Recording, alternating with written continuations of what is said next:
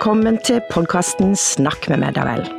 Den handler om kommunikasjon og bekymringssamtaler med barn i barnehagen. Og sammen med meg her i dag, så har jeg Nina Borøy Olsen, jeg er pedagogisk leder. Marianne Vegge er styrer i barnehage. Og med Anne Lill Nå Nilsen, som jobber som spesialrådgiver ved RVTS Sør. Så var vi her og skulle snakke om det å snakke med barn i barnehagen. Noen ganger så har jeg tenkt, hva er det som gjør at vi skal lage akkurat denne podkasten her? Sånn at sånn Innledningsvis så tenkte jeg at vi vet jo en del om hvordan ståa er i Norge i forhold til barn som er utsatt for vold og overgrep, og som lever i omsorgssviktsituasjoner. Nå er det sånn at NKVTS de har faktisk nå i 2019 så har de hatt en undersøkelse hvor de har spurt 9000 elever i alderen 12 til 16 år om erfaringer med vold og overgrep i oppveksten. Og i tall så viser faktisk denne her undersøkelsen at én av 20 har opplevd alvorlig fysisk vold, og én av fem har opplevd mindre alvorlig fysisk vold, og én av 20 har opplevd seksuelle overgrep fra en voksen. Og en av disse fire som har opplevd eh, seksuelle overgrep, det er fra en forelder. Og så sier han også at omtrent halvparten av de som har vært utsatt, har ikke sagt det til noen. Eh, og kun én av fem som har vært utsatt, har heller ikke fått eller har noen hjelp fra hjelpeapparatet. Eh, så det er jo hva skal jeg si, noen bakgrunn her som sier noe om at eh, dette må vi bli bedre til å oppdage.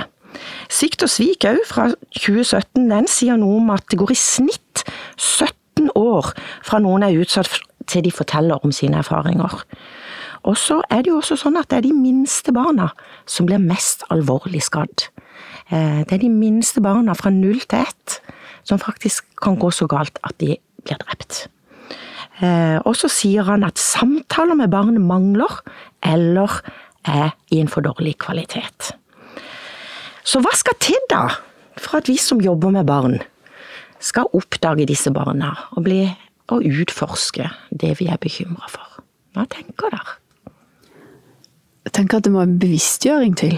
At vi må klare å eh, tenke at gjennom en dag i barnehagen, mm. så skal vi prate om, om livet og stille de åpne spørsmålene å ha den utforskende som vi har snakket om tidligere, eh, utforskende samtalen. Men, men, det å være bevisst som barnehagearbeider på at en skal stille åpne spørsmål, og øve seg på det, det tenker jeg er der har vi et forbedringspotensial. Jeg vet jo, Nina, også deres barnehage har jobba veldig mye med sånn generelt å løfte inn temaet vold og overgrep sammen med barna. Fortell litt om det. Ja, vi har jo det, da. Vi har jo det i forhold til sånn ferdig opplegg som heter Side. Eh, da har vi Mina og Mikkel, to dere som vi presenterer for barna i samling. Eh, og da prater vi mye om deg i forhold til Mikkel, som har opplevd eh, vold, og Mina, som har opplevd overgrep. Og dette syns barna er veldig interessant. Ja, de sier mer om det. Nei, når Mikkel f.eks. er med på Heia, og vi skal opp og ha samling, så, så stikker han opp av, av sekken bak. Ja. og veldig spennende at han skal være med, og de etterlyser veldig at ja, men er det ikke min tur snart, kan ikke jeg være med i samlinga? Ja. Og så må vi jo ha møter da i små grupper og prate om det som har skjedd, og sette ord på det som har skjedd med Mikkel. Ja. Mm. Opplever du noe at det å, å ha tema sånn at barn vet at noen barn blir slått, noen barn blir utsatt for overgrep. Får dere noe erfaring med at det er flere barn som viser tegn eller signaler eller forteller om hvordan de har det? Ja, det tror jeg absolutt. Det kommer litt sånn eh, Det kan komme en lita setning om at ja, mamma gjorde det, eller altså Der kommer liksom noen sånne små drypp i de samlingene som vi på en måte har undersøkt litt i ettertid. Mm. Gjerne ta de med på en tur, prate litt og finne på noe, altså sånn for å ha en samtale med det ene barnet da, i ettertid. Ja. Og i de samlingene så er det jo alltid flere voksne, det er aldri en voksen som er alene. Sånn at da kan jo òg den voksne som ikke har samlingen, observere barns reaksjoner. Og der har vi jo av og til sett at noen har fått fysiske reaksjoner når vi har pratet om det, eh, og reagert eh, fysisk med å sitte og holde rundt seg og ja. Og da er det jo kjempeviktig at det er en til voksen, som, minst en til voksen, mm. som kan være med og observere og være nær det barnet som reagerer. Ja. Sånn at disse samlingene med tema om vold og overgrep har i deres barnehage leda til at det er noen barn eh, som dere snakker mer med? Det har det absolutt. Det, det, vil jeg si. Og det tror jeg gjelder egentlig for alle barnehagene. Tror du ikke det, Nina? Jo, det tror jeg. Og så er det noe med å følge med litt, ja, sånn som du sier. Det er også de reagerer. Noen blir veldig stille, noen klarer ikke å sitte stille i det hele tatt. Mm. Altså, det er veldig forskjell når en ser på dem, og hva er, liksom, hva er, grunnen til det? Så det er veldig bra at vi er to og små grupper. Sånn fire-fem barn. Det er liksom maks. Jeg tenker at det har gjort noe med oss, at vi har fått en større trygghet i å snakke om det som er vanskelig. For vi har et verktøy å bruke. Vi skal ikke sitte der og komme på alt sjøl i en sånn fortelling, der man skal snakke om ting som er vanskelig, og snakke om ting som barn ikke skal oppleve. Men vi har et verktøy med fortellinger om Mikkel og Mina, og så er det konkreter, og det blir mye enklere for ungene å forholde seg til, og det blir konkret. Mm. Blir det så konkret at de snakker i sånn jeg-form når de snakker om det, eller går det også via Mikkel og Mina? Når eh, når dere snakker med barna videre, de som da tenker her kan det være noe som må utforskes mer? Barna snakker ofte i jeg-form. Ja. Mm. Så bra. Ja. Kjempebra. Nei, litt det at eh, jeg syns jo det er så fantastisk flott at det i mange barnehager i Norge da er blitt satt fokus på at barn må vite noe om at, at, at en kan være utsatt for vold, og kan være utsatt for overgrep. Fordi mange barn går jo og tror at det er bare de sjøl, hvis det er de som opplever det. Sånn at en kan fortelle at dette kan noen barn, det kan skje.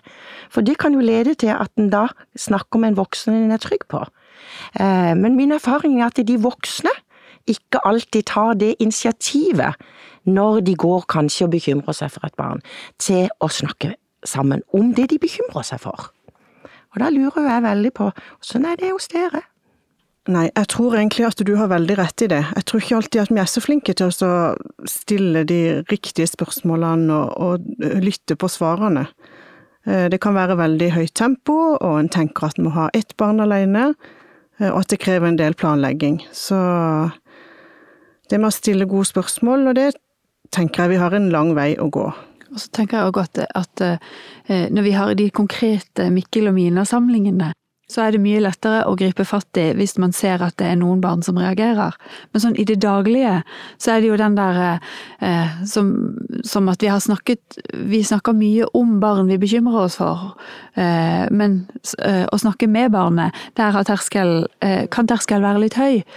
Eh, og da tenker jeg at det kan handle om forskjellige ting. Det kan handle om for det første at man er redd for å gi barna en merbelastning.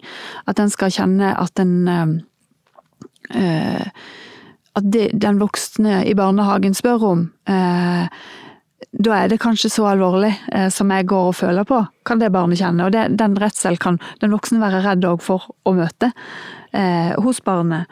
Og så tenker jeg at man kan være redd for å ta feil. Eh, så enkelt og så vanskelig, egentlig. Eh, og så er det jo det med å stille de riktige spørsmålene. Man er redd for å legge ordene i munnen på barna hvis man er bekymra. Så det er jo der vi må eh, øve oss på å stille de gode spørsmålene.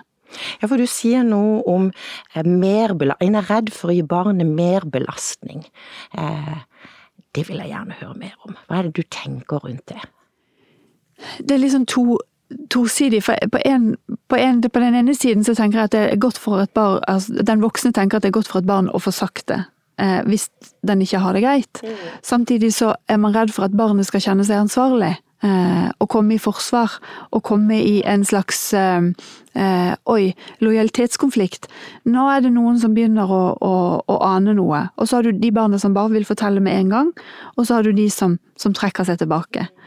Eh, og om det er frykten Eh, frykten for at eh, barnet skal komme i den lojalitetskonflikten som kan være veldig vanskelig. Men hvis en snur litt på det, og tenker at nå er det en voksen som ser meg. Nå er det en voksen som kanskje skjønner at jeg har det ikke så bra. At jeg opplever ting som er vanskelig.